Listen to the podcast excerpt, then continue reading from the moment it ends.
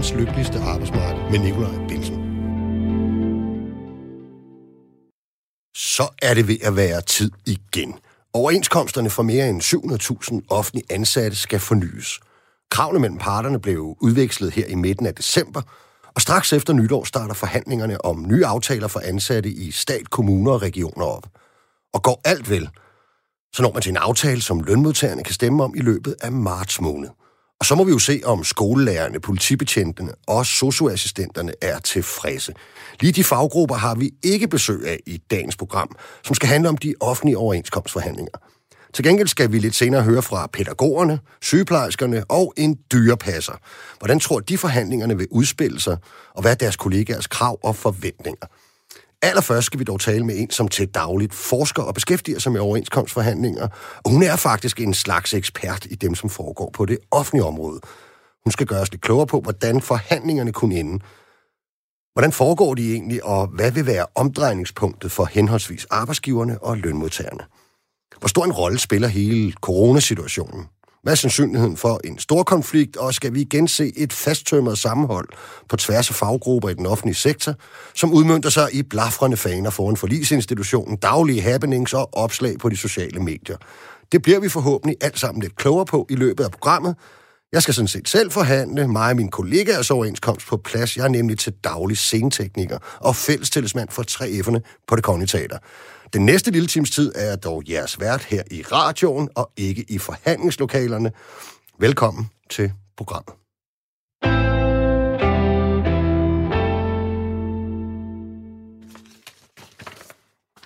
Sara Schmidt Hall, velkommen til programmet. Tak skal du have. Og kan du ikke lige fortælle, hvad er det, du øh, arbejder med til daglig, og hvorhen? Jamen, jeg er uddannet sygeplejerske, men er øh, valgt til det, der hedder fælles tillidsrepræsentant øh, på Rigshospitalet. 4700 sygeplejersker, vi har. Det skal siges, vi er øh, fire fuldtids Ja, du er ikke fælles tillidskrinde for 4700? Nej, dog øh, ikke. Øh, vi er fire fuldtidsfrikøbte, og så har vi lige knap 100 lokale tillidsrepræsentanter ja. blandt sygeplejerskerne. Og det er altså øh, sygeplejerskerne. Har der, må næsten lige høre, ikke? Altså, har det været anderledes? Det er jo næsten et åndssvagt spørgsmål, det her, ikke? Men har det været anderledes for dig og dine kollegaer at være sygeplejerske her øh, under coronaen? Det har været et meget, meget, meget specielt år. Ja. Øhm, vi har øh, i højeste grad været, været i vælten. Øh, WHO har øh, udnævnt 2020 til at være sygeplejerskens år, og det, det synes vi jo i høj grad, at det, det må man dele med sige, det har været. Ja. Dagens program, det er optaget på forhånd, så jeg skal huske at sige til jer, at man altså hverken kan ringe eller sms herind. De offentlige overenskomstforhandlinger er jo en sådan lidt kompliceret størrelse, som indeholder en masse udfald, en masse faggrupper og nok også en del forhold, som adskiller sig fra de forhandlinger, vi typisk ser på det private arbejdsmarked. Så så jeg tænkt, hvad siger du til, at vi lige øh, får en ekspert ind over nu her til at give os en vurdering af forhandlingerne set med forskerbriller? Jamen meget gerne. Det er godt. Og så kan jeg altså byde velkommen til dig, Nana Vesli Hansen. Tak. Det er dig, der er eksperten. Eller forskeren, det må du selv bestemme. Hvad... Forskeren. Forskeren, det er godt. Og øhm, kunne du ikke lige præsentere dig selv mere end øh, bare, hvad at du forsker? Jo, øh, jeg er lektor øh, på Københavns Universitet, og jeg kommer fra et øh, forskningscenter, som forkortet hedder FAERS, og det står for Forskningscenter for Arbejdsmarkeds- og Organisationsstudier. Hmm. Hvis vi sådan skal se helt overordnet på de forhandlinger, som går i gang lige om lidt, øh, hvad vil du så sige er, øh, hvad kan vi kalde det, bagtæppet, for nu at bruge en, øh, et udtryk fra min verden? Altså det vigtigste bagtæppe for de her forhandlinger, det er øh, økonomien. Øh, og det hænger sammen med, at øh, den øh, coronakrise, vi har lige nu, øh, den har jo påvirket øh, arbejdsmarkedet, først og fremmest det private arbejdsmarked i forhold til løn. Og øh, det er sådan, at den økonomiske ramme, som man har at forhandle om ved de offentlige forhandlinger, den, øh, den er ikke helt, men delvis fastsat af, øh, hvor meget, hvordan lønudviklingen er på det private område. Mm. Og det er simpelthen, øh, fordi der er de her grundlæggende principper i den danske aftalemodel, at øh, det offentlige skal ikke løbe foran det private. Det er det private, de konkurrenceudsatte erhverv, som skal lægge øh, niveauet for lønudviklingen i Danmark, så vi kan være konkur- konkurrere med resten af udlandet. Mm. Men samtidig så skal det offentlige heller ikke sagt det for meget agter ud, så sektorerne kan ligge og konkurrere med hinanden øh, og suge arbejdskraft ud af hinanden. Ja, og det er jo altså det, der hedder reguleringsordningen. Ikke? Det er den mekanisme, der sikrer, at, de, at lønudviklingen følges ad i de to mm. sektorer. Mm. Ja. Og der er det jo klart, der er der en udfordring øh, lige nu, fordi at øh, corona har sat ind rent økonomisk på det private arbejdsmarked, og altså i nyere tid kan jeg da huske, at det vel nu er anden gang, hvor vi rent faktisk står i en situation, at, at vi egentlig skylder lidt penge på forhånd øh, i de offentlige forhandlinger, ikke? Jo. Altså sidst, det var jo i 2008, øh, havde man overenskomstforhandlinger i det offentlige, og på det tidspunkt, der havde man en bullerne højkonjunktur i Danmark, og man havde også haft øh, overenskomstforhandlinger på det private i 2007, og haft et virkelig godt økonomisk mm. resultat. Så der var virkelig pres på for løn. Vi havde også konflikter omkring løn øh, på flere enkelte grupper. Øh, og øh, man fik et historisk højt øh, hvad hedder det, økonomisk resultat ved overenskomstforhandlingen i 2008. Og så få måneder efter, mm. så rammer finanskrisen. Ja. Men det, der jo adskiller sig nu fra den gang, det er, nu ved vi, at krisen er her. Mm. Så man træder ligesom ind i forhandlingerne og ved, at krisen er der. Man kan så også sige, at det var et pænt økonomisk resultat i 2018, men det var altså ikke helt de samme højder, som det, man havde i jo. 2008. Så, så, så altså, det ser ikke så galt ud. Men, men bare, så, bare så lytterne forstår det derude, så, så det man måske i virkeligheden kan sammenligne det med, det er, at lønmodtagernes øh, forhandlere, de går sådan set, de sætter sig til forhandlingsbordet. Øh, og, og det svarer lidt til at starte med at spille en fodboldkamp, og de er altså bagud 1-0, øh, når kampen den starter, fordi at man skal finde en løsning på de der milliarder, man lidt skylder, ikke? Jo, øh, det skal man. Og det, der er svært den her gang, det er, at det er jo i virkeligheden... Altså, vi ved, at krisen er her. Vi ved bare ikke, hvor lang tid den varer. Øh, og man kunne se meget... Man kigger på den private lønudvikling, Øh, og altså, da man landede overenskomstresultatet i 2020, jo her i foråret, altså coronakrisen ramte jo, mens man faktisk var i gang med at afslutte forhandlingerne på et privat område, der havde man allerede landet et ret godt økonomisk resultat. Øh, man havde blandt andet fået 3 procent sådan, kan man sige, centralt aftalt på det, der hedder fritvalgslønkontoen. Men så er det sådan på det private område, at 80 procent af løndannelsen, eller 80 procent af området, der sker løndannelsen decentralt ude på arbejdspladserne efterfølgende. Og der kan vi se øh, på andet kvartal her i 2020, at øh, der har været lønforhandlingerne ikke blevet, som man havde regnet med. Der er nogle lønforhandlinger, der er blevet udskudt. Der er nogle, der har været nulløsninger. Der er endda også nogle lønmodtagere, som har måttet tage en nedgang i løn. Men allerede her i tredje kvartal ser det faktisk en lille bit smule bedre ud med løndannelsen. Stadigvæk ikke helt deroppe, hvor vi sådan havde forventet, det ville mm. have været, hvis vi ikke havde haft coronakrise.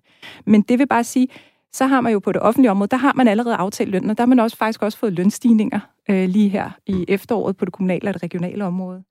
Øh, det, jeg skal lige sige, det er sådan noget meget teknisk noget, men ja. det ser faktisk lidt forskelligt ud for staten og kommunerne og regionerne, hvordan man håndterer, øh, fordi de har forskellige, lidt forskellige reguleringsordninger. Men ja. altså, man starter ud med, at man sandsynligvis skal, skal håndtere det, der hedder negativ udmyndning for reguleringsordningen. Ja. Altså, man skylder lidt.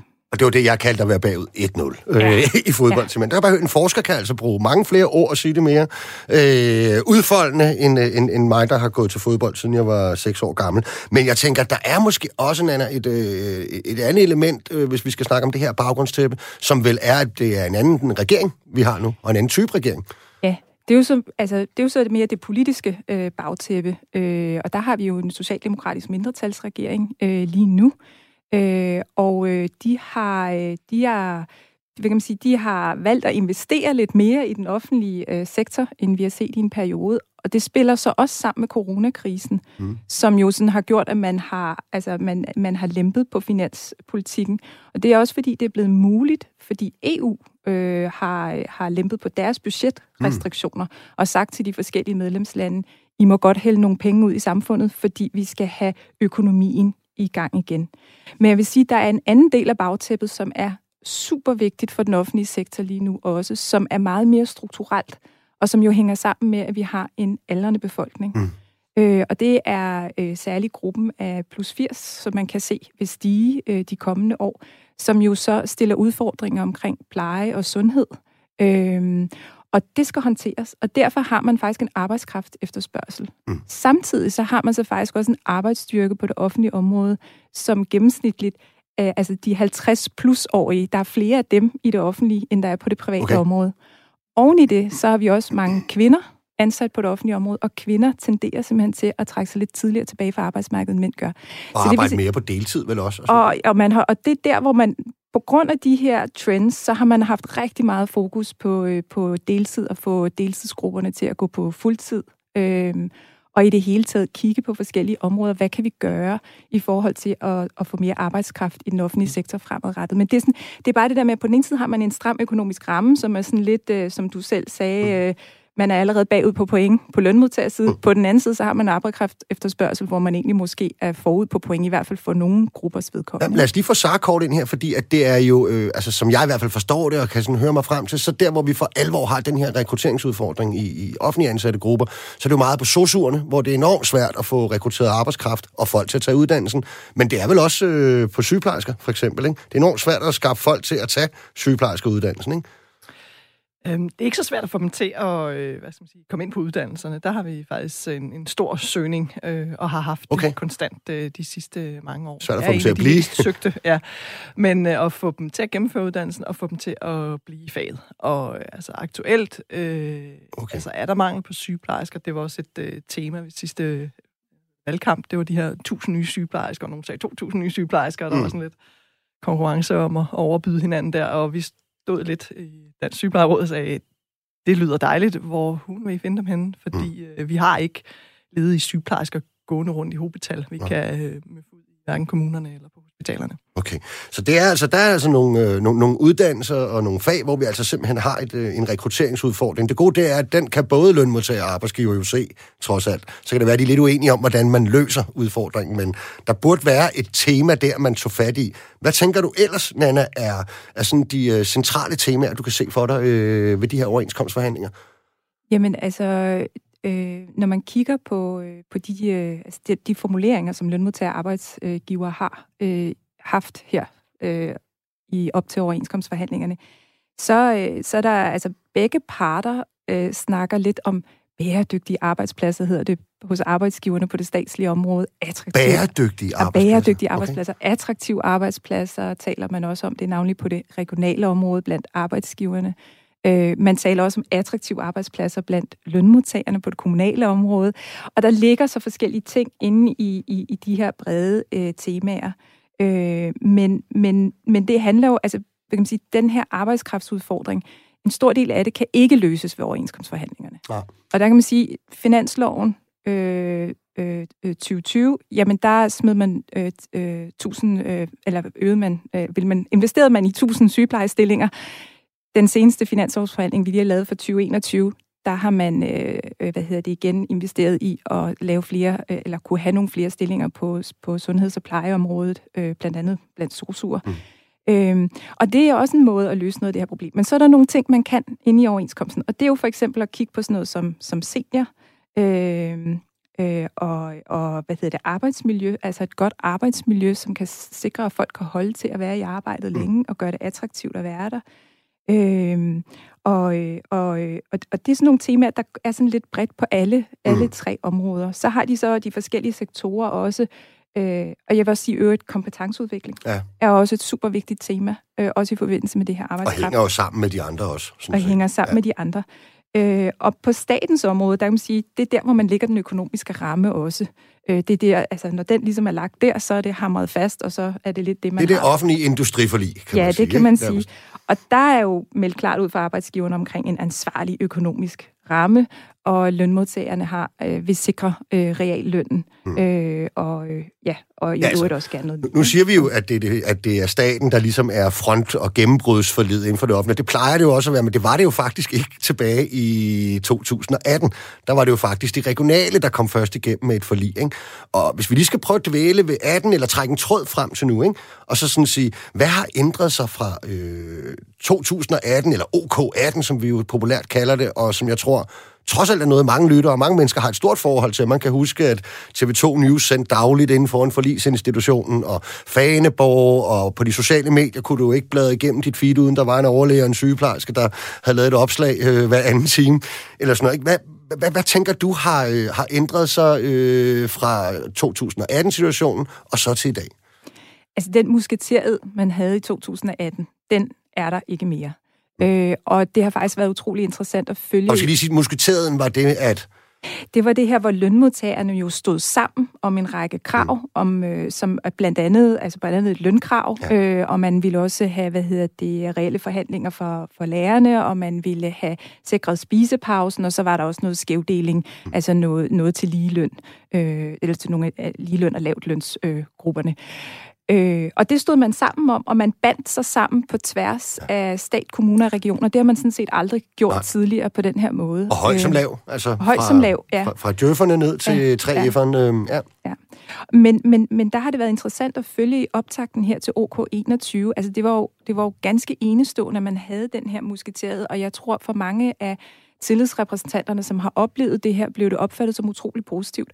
Og altså allerede ret kort tid efter, altså jeg kunne i hvert fald se det i foråret mm. øh, 2020, jamen øh, så, var, så var der ikke tale om den her musketerede længere, så var man grundlæggende blandt nogle af lønmodtagerorganisationer nu uenige om løn øh, og lønkravene. Mm. Øh, og, øh, og det har så det, var, der har så været et lidt dramatisk forløb, faktisk, øh, navnlig inden for det, der hedder forhandlingsfællesskabet, hvor langt de fleste offentlige lønmodtagergrupper er, og hvor, øh, hvad hedder det, øh, øh, FORE blandt andet øh, har udfordret lidt, og også 3F og sådan noget, med den her dagsorden omkring, at man gerne vil have ændret lønsystemet til, ikke, at det ikke skulle være procentuelle stigninger, men det skal blive krone for krone stigninger.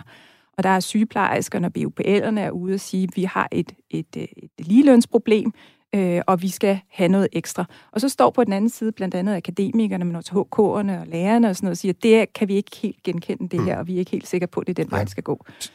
Og det, har, det har faktisk været tæt for, på næsten at splittes. Ja, det er det. Og, det, og så står man jo svagt over for arbejdsgiverne, hvis ikke man står samlet. Men man har altså landet en borgfred, øh, og man forhandler sammen, og man er enige om kravene. Mm. Men skal vi lige prøve at teste den ude, øh, på, øh, ude i institutionerne, så altså, kan du mærke, øh, at der er sket en forandring fra den der lad os, altså, lad os bare sige, et meget, meget, meget bredt sammenhold. Altså, for dig har det vel været overlægen, sygeplejersken, portøren, rengøringsdamen. Det hele stod faktisk sammen om noget øh, der i 2018. Øh, synes I, kan sådan mobilisere helt samme stemning? Kan du føle den øh, derude?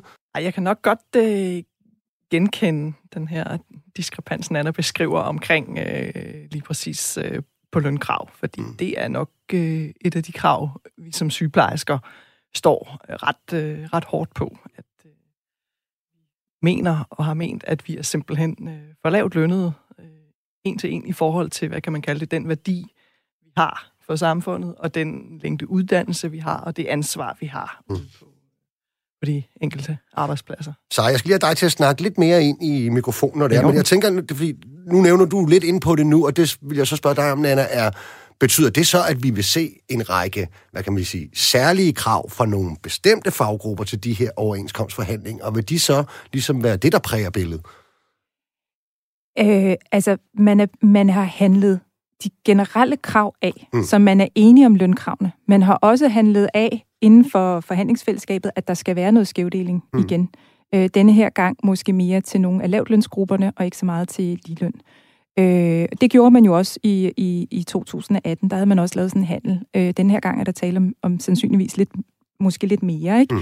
end der var der. Men, men så kan man sige, så har alle organisationerne jo deres organisationsspecifikke krav. Mm. Øh, og der er et klart krav omkring løn. løn øh, øh, og man kan sige, øh, det her med, med lavt løn, altså det her med, at man vil skifte fra at have procentvis stigninger til kron for kron, det er blevet skrinlagt lidt. Det er, sådan, det er stadigvæk et krav, men vi ved godt, vi kommer nok ikke i hus med det den her gang, fordi vi kan ikke blive enige på lønmodtagerside. Mm.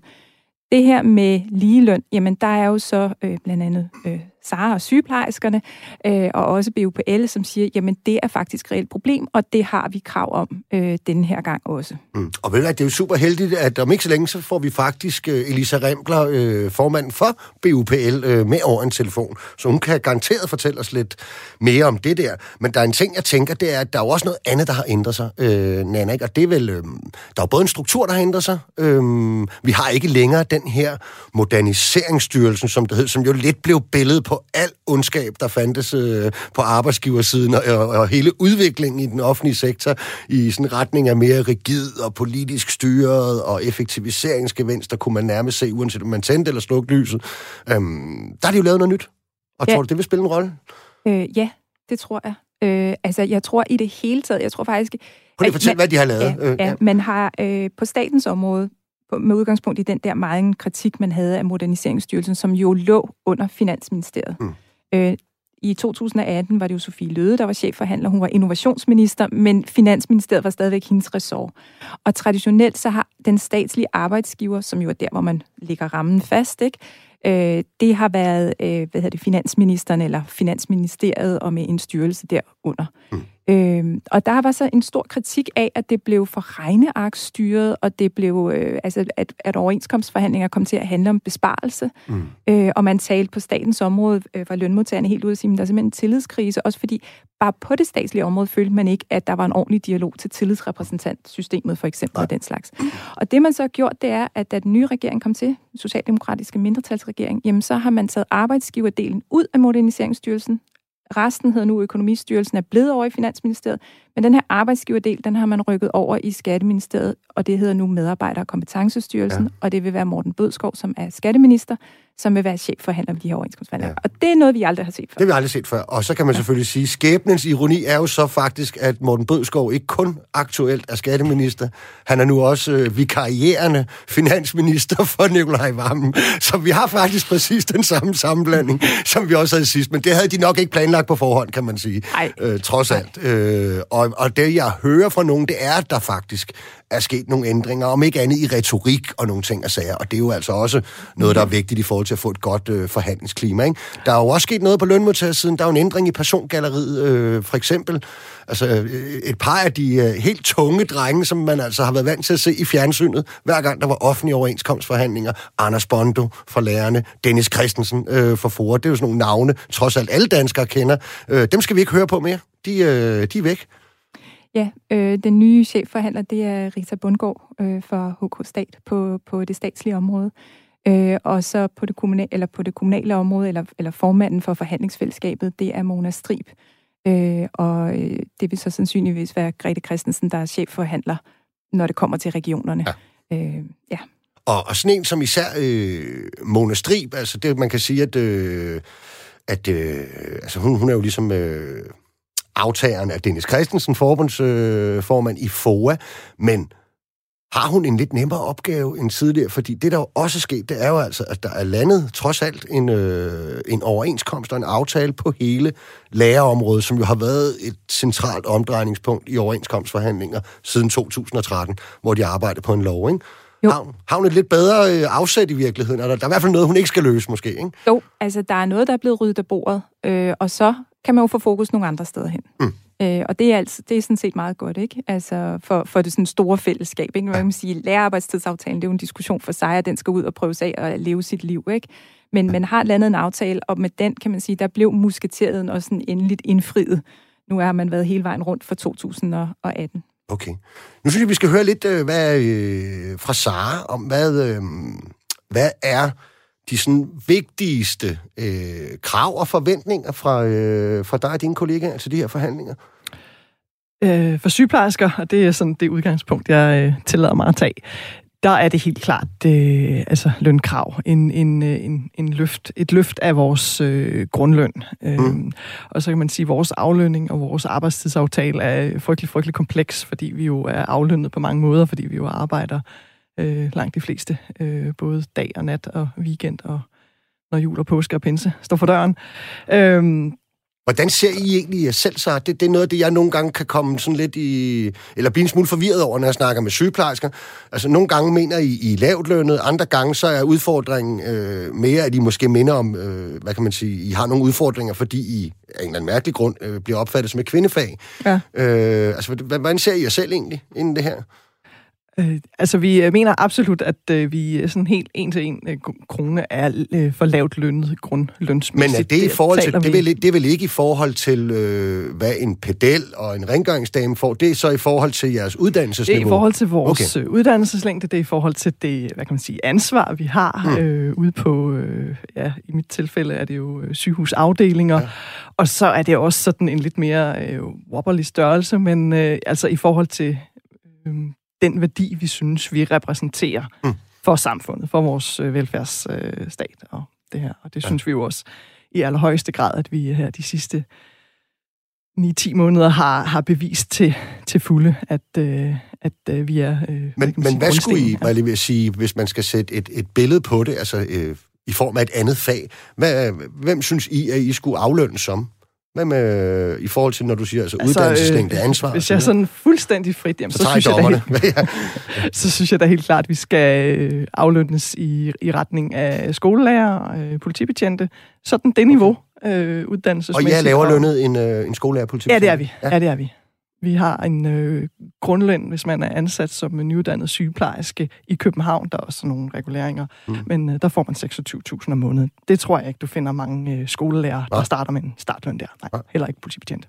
Okay, nå, det, er jo, det, det er jo egentlig meget interessant, ikke? Men mm. øhm, men hvad er det? Jeg tænker, at der må være flere krav, fordi at noget af det, når jeg, når jeg hører og taler med, med, med sygeplejersker, så er det jo også... Og nu har corona vel også lige gjort et eller andet, tænker jeg, på, Ej, på presset, sige, corona ikke? har nok lige vredet, hvad skal man sige, det sidste overskud, vi havde. Ja. det var lidt begrænset, men, øh, men der, der er ikke meget øh, energi og, og overskud at rute med på, på nuværende tidspunkt. Nå, så, så er der også nogle krav, der går i retning af sådan noget, hvad kan man sige...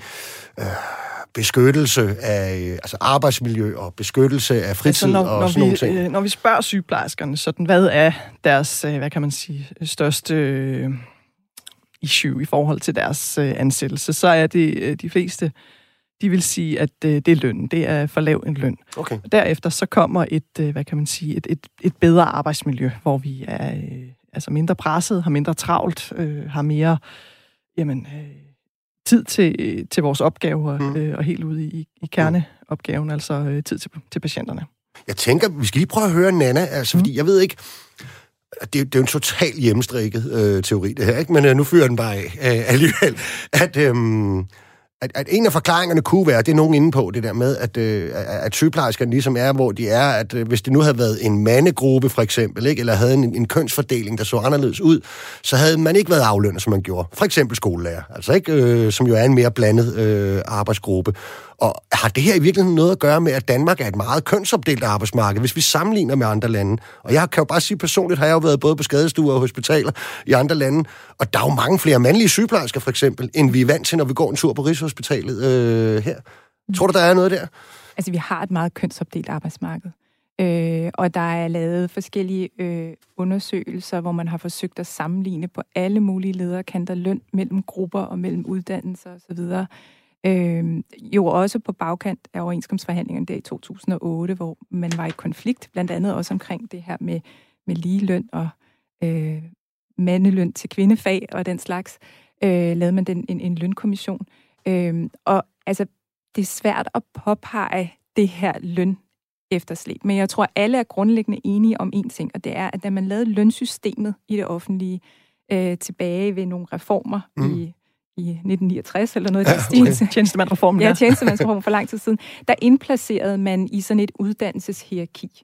Øh, og der blev sygeplejerskerne ikke indplaceret voldsomt højt. Ja. Og det er jo så det, som I nævner, at det er et efterslæb efter det, I aldrig ligesom har indhentet. Og kan man sige, jeg har ikke lavet de der lønanalyser, men ja, der er nogen, der... Altså, I argumenterer for, at det har vi faktisk, og prøver at vise tal, der viser det, og så er der mm. andre, der siger, nej, nah, det har jeg nu ikke helt, og hvem er det så lige, vi skal sammenligne med, og hvad er det mm. for et uddannelsesniveau osv. Men der er ikke nogen tvivl om, at vi har et meget kønsopdelt arbejdsmarked, og jo flere kvinder, der er i et fag, jo lavere er lønnen. Okay, desværre. Kan man sige, du lytter til verdens lykkeligste arbejdsmarked her på Radio 4. I dag taler vi om de offentlige overenskomstforhandlinger, som starter straks i det nye år. Skal der igen være blafferne røde faner og TV2 Newsvogne foran arbejdsretten i månedsvis, eller er alle kravlet et skridt ned af konfliktstigen og arbejder mod en mindelig løsning i fred og fordragelighed? Jeg er fællestilskvinde på Rigshospitalet, Sara Hal Schmidt, sygeplejerske med i studiet, sammen med arbejdsmarkedsforskeren Nana Vestli Hansen. Programmet er fortsat optaget på forhånd, og man kan derfor hverken ringe ringe eller skrive ind.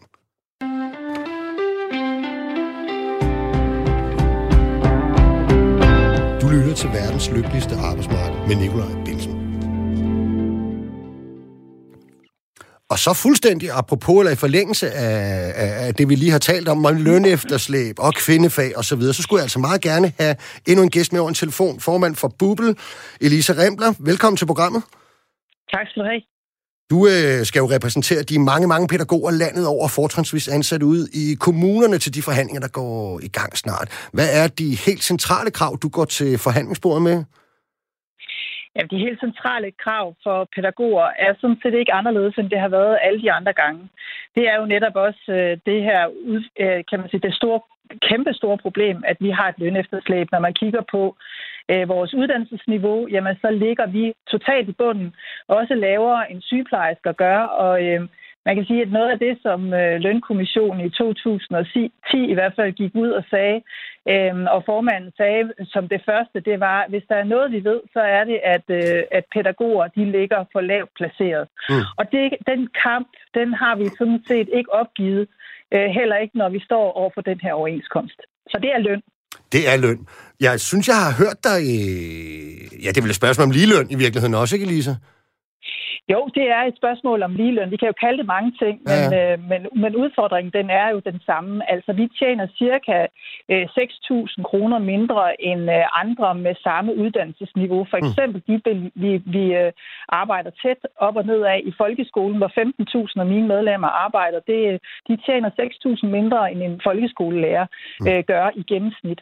Og det, øh, det synes vi jo er dybt uretfærdigt, og netop handler om det, som, som jeg lige nåede at høre Nana sige, nemlig at, øh, at vi, var, vi er, var placeret meget lavt i det her lønhierarki.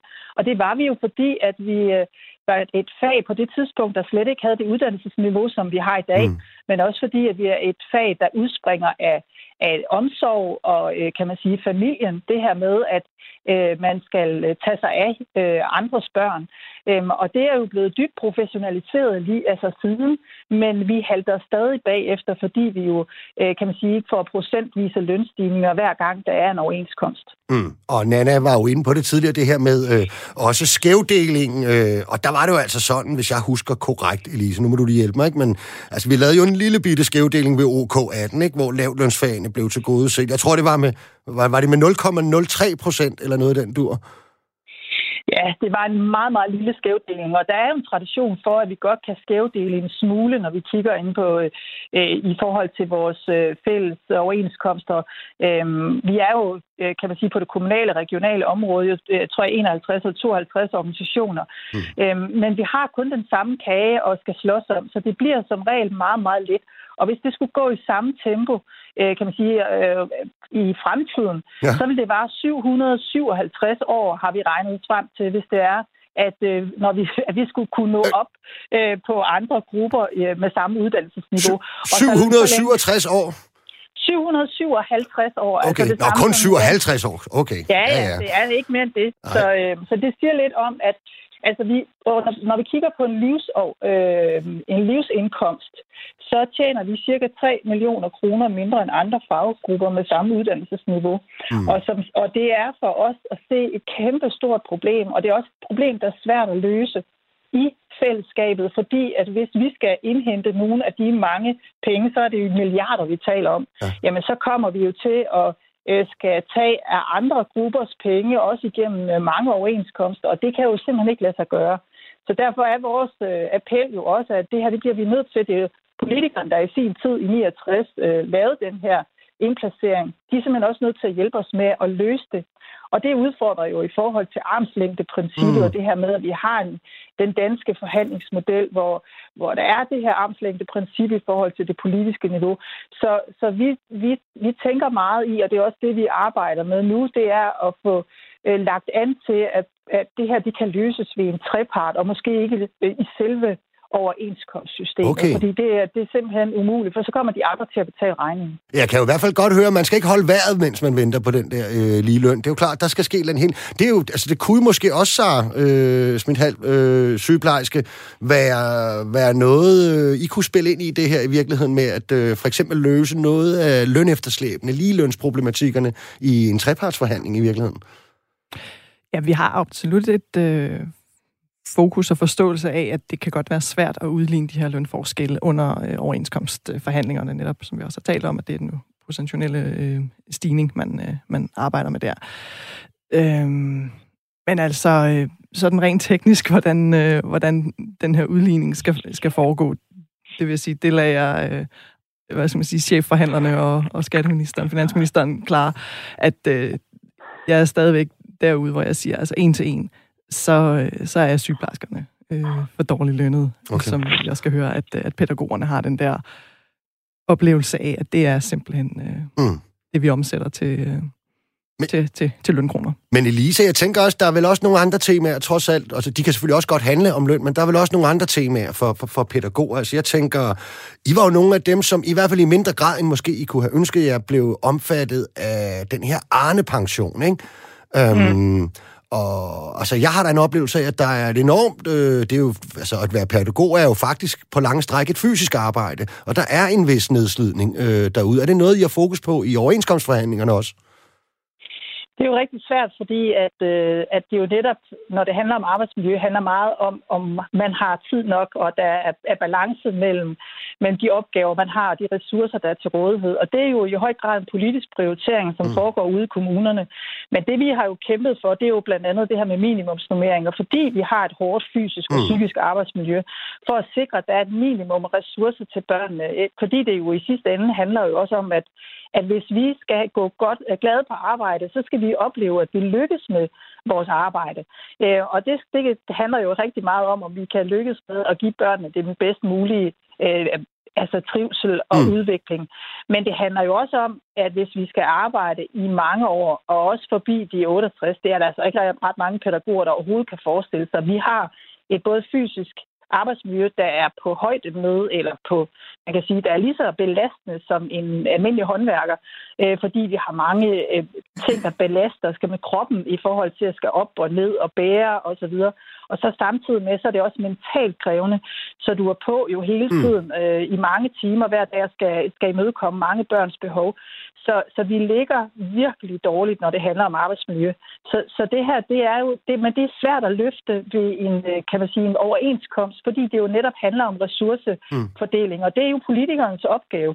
Så, så vi kan, det vi kan sige, det er, at hvis vi skal gøre øh, det fag og den profession, vi har, attraktiv, så bliver vi nødt til at arbejde på mange parametre, der både handler om blandt andet sådan noget som minimumsnummering og andre at skabe et bedre ja. øh, arbejdsmiljø og samtidig med, så skal vi også sikre, at, øh, at det er attraktivt, når det kommer til lønnen. I dag er der jo mange, der simpelthen er på deltid, og vi har jo 60 procent af vores medlemmer, der er på deltid, fordi de netop ikke kan holde til, til arbejdet. Mm. Men det betyder jo også, at vi efterlader i det her kønsopdelte arbejdsmarked øh, kvinder, fordi mm. vi er flest kvinder, tilbage med en dårlig løn øh, og også en dårlig øh, pension, og svære ved også, øh, kan man sige, det hele taget at, at skulle leve et uafhængigt liv. Mm. Øhm, og det er jo et højt grad et ligestillingsproblem, som, øh, som jo også hænger sammen med netop det her med lønnen. Så derfor er der altså mange ting, der hænger øh, fast i hinanden, og som, øh, som skal løses på forskellige, ja. øh, på forskellige måder. Ikke? Og jeg hørte dig jo sige, at noget af det, øh, eller meget af det i virkeligheden, også skal løses øh, over i det politiske system. Jeg synes, der er noget interessant i det her. Jeg godt lige kunne tænke mig at høre Nana om, at, at øh, altså, vi, vi har altid sagt det her med, at, øh, at øh, at, at hvis nu for eksempel, at øh, vores sociale sikkerhedsnet og dagpengene bliver udhulet og alle de her ting, så vil fagforeningerne stille krav om øh, mere rigide opsigelsesvar. Altså vi mener altid, at der er sådan nogle øh, mekanismer og logikker i de her ting, som på en eller anden mærkelig måde forbundet hele det danske samfund øh, sammen. Ikke? Og så tænker jeg, noget af det vi ser her fra øh, pædagogerne, er det i virkeligheden øh, en konsekvens af, at når der er nogle grupper, der ikke føler på hele det her spørgsmål, der handler om arbejdsmiljø, tilbagetrækning, stigende pensionsalder, vil vi måske komme til at se, øh, og det her er startskud i virkeligheden, jamen så er der nogle grupper, der kommer til at slå benhårdt på øh, arbejdsmiljø og på ja, seniorpolitik inde i overenskomstforhandlinger osv.? Øh, altså jeg synes, jeg synes allerede, det har været i systemet længe okay. faktisk, fordi der har været en kraftig arbejdsintensivering. Øh, nogle øh, sektorer mere end andre. Øh, sundhedsområdet er et rigtig godt eksempel på, hvor der har været en kraftig arbejdsintensivering igennem en, en længere periode, hvor man simpelthen har skulle løbe stærkere. Så kan man også sige, at vi har haft en, øh, en, en øh, altså, og det hænger også lidt sammen med finanskrisen. Øh, altså, der har været en periode i, øh, i, i dansk politik, hvor man har sparet. Mm. Eller hvad man siger, man har i hvert fald ikke smidt flere penge efter det offentlige. Og når øh, kravene efter velfærd øh, stiger, eller der kommer flere ældre osv., jamen hvis der så ikke følger penge med, jamen, så er det jo de facto en, en slags besparelse. Ikke? Mm. Så derfor er der rigtig mange forskellige grupper, øh, som har oplevet, oplever et arbejdspres. Mm. Samtidig med, at vi så har det her strukturelle udfordringer med, at vi faktisk også har medarbejdere, der bliver ældre, men vi har brug for dem. Mm. Så på den måde kan man sige, det har været i systemet længe. Arbejdsmiljø har været noget, man har haft på dagsordenen igen og igen. Seniorordninger var også noget, der var hot øh, faktisk i 2018. Der var der arbejdsgiverne, der kom med kravet, fordi de synes, at senior, altså nogle af de seniorordninger, der var navnlig på det kommunale område, af dem, der havde fokus på det, var måske lidt for gode, og ikke rigtig følge, fulgte med den stigende pensionsalder. Altså at man for tidligt ligesom fik rettigheder i forhold til, hvor lang tid man egentlig skulle være, altså forventede sig skulle være på arbejdsmarkedet. Ikke? Øh, og det var så lidt en sejr for dem værfet af bordet. Det blev ikke til noget ved OK18, for der havde man fokus på nogle andre ting, øh, det her meget specielle forhandlingsforløb. Mm. Nu har vi så senior på igen, men der er lidt nogle andre toner, så det lyder også som om, at arbejdsgiverne har, har måske flyttet sig lidt i forhold til det her. Okay. Det, der bare er rigtig udfordrende ved de her overenskomstforhandlinger, det er, hvor meget, hvor, hvor, stor, hvor meget økonomi er der i rammen. Fordi en god økonomi, det skaber simpelthen bare bedre rum for i forhandlingerne at kunne udvikle og kunne lave noget, hvor hvis det er en stram økonomisk ramme, jamen så tenderer lønmodtagerne også til at vil lægge det meste på løn. Okay. Øh. Jamen, det kunne jeg nemlig godt lige tænke mig at spørge dig om, Elisa, fordi I vil ikke helt blinde for, på trods af, af om kravene er rimelige eller ej, at, at vi også går ind til de her overenskomstforhandlinger med, øh, ja, med en coronasituation, øh, der, der har en enorm indflydelse også på den økonomiske ramme, eller hvad?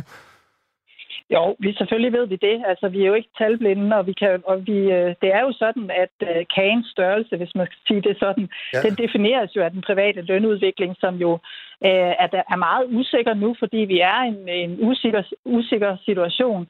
Øhm, så øh, selvfølgelig ved vi det.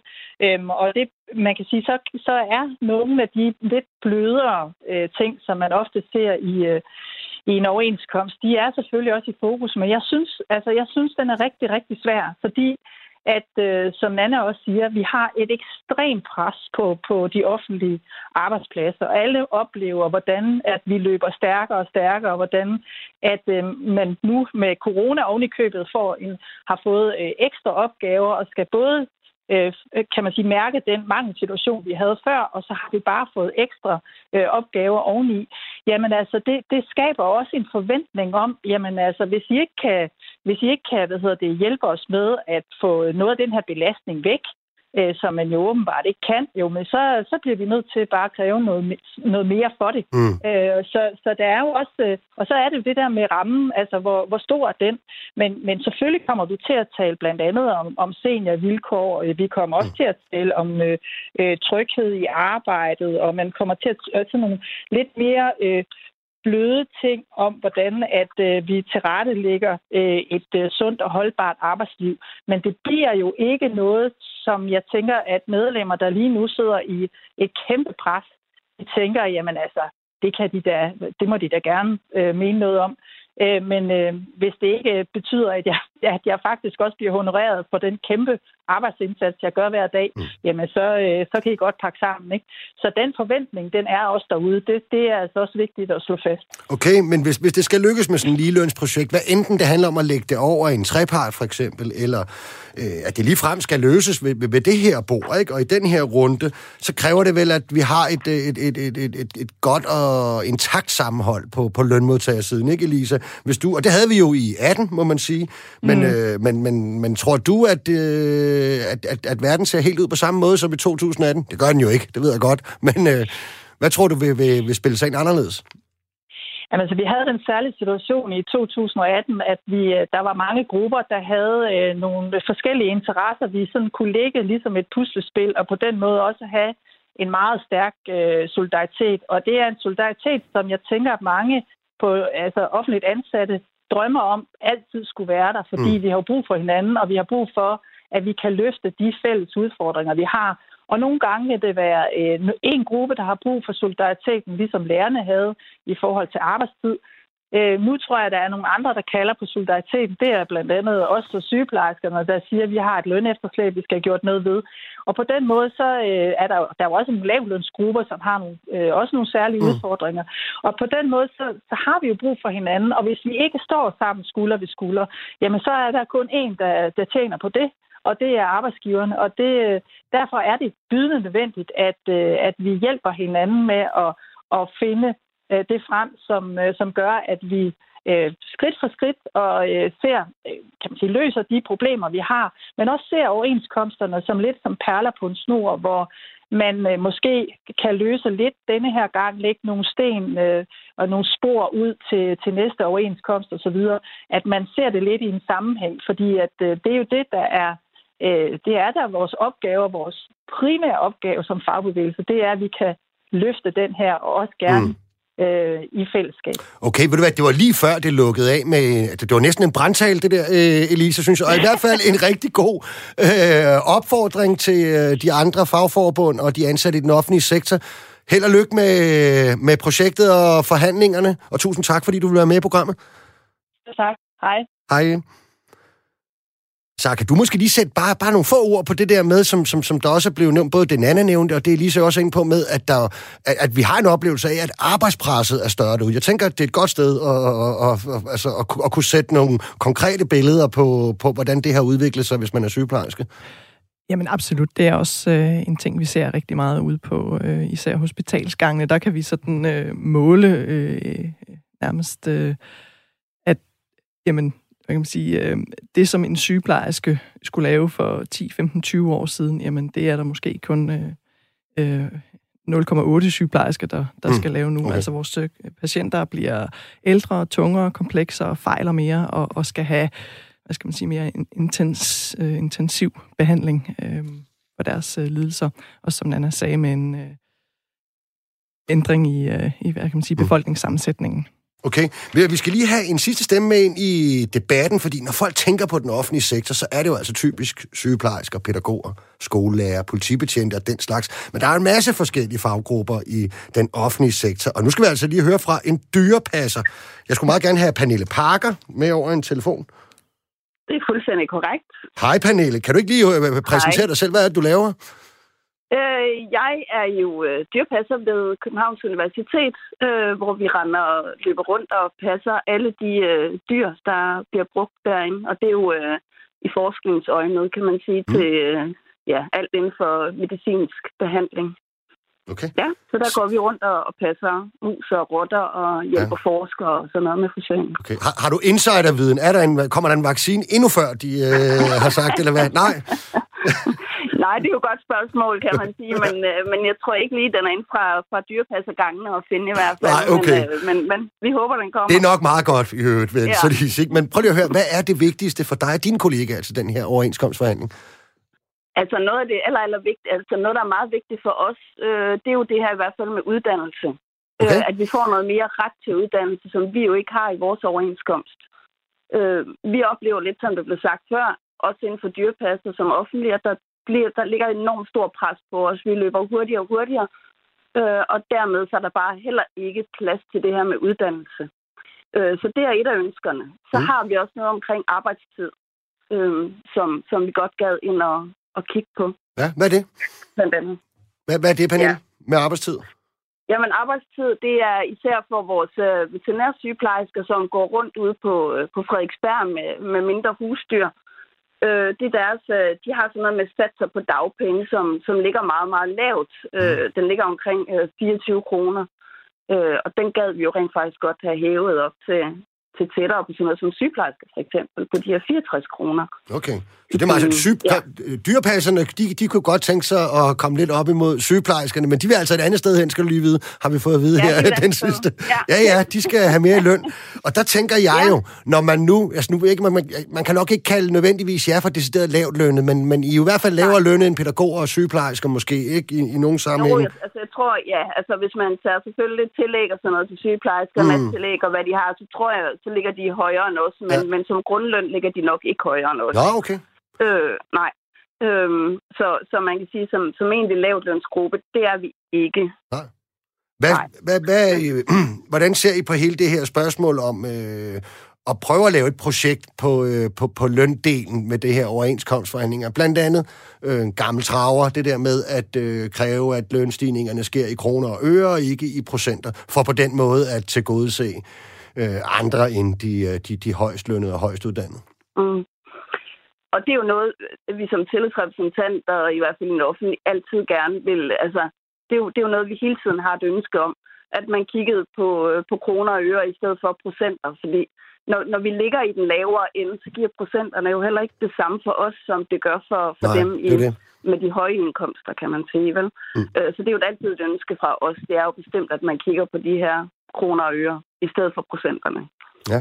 Nu hørte vi jo fra pædagogerne før, det virker som en af de grupper, der ikke sådan på forhånd har stillet sig fuldstændig tilfredse med de her overenskomstforhandlinger. Man kan godt lidt få mm. indtryk af, at andre bare lidt skal have dem overstået og lige få styr på det der med, med det, vi skylder i reguleringsordningen, og så tager vi den mm. ligesom derfra. Ikke? Øh, no. men, men, men, men Sara, når du hører sådan her en, en, en, en, en sygepleje, slår røvl, en dyrepasser selvfølgelig, ikke? der blev det lidt forrådet sammen der, øh, tale for eksempel.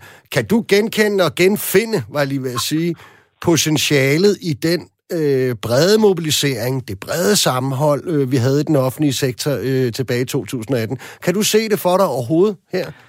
Jeg kan og hvad skal vi gøre for at lave det, hvis det ikke er... Altså, jeg kan sagtens øh, hvad kan man sige, tale ind i både det øh, Elise fra Bubel og også øh, Pernille. Fra, Pernille her, fra, øh, som er dyrepasser. Øh, altså det, de taler ind i, at, øh, at vi kan, øh, hvad kan man sige, netop få løftet øh, vores grupper til øh, mm. forhåbentlig at komme, øh, komme, komme op på, på niveau med dem, vi øh, normalt sammenligner os med ellers. Øh, ja. Mm.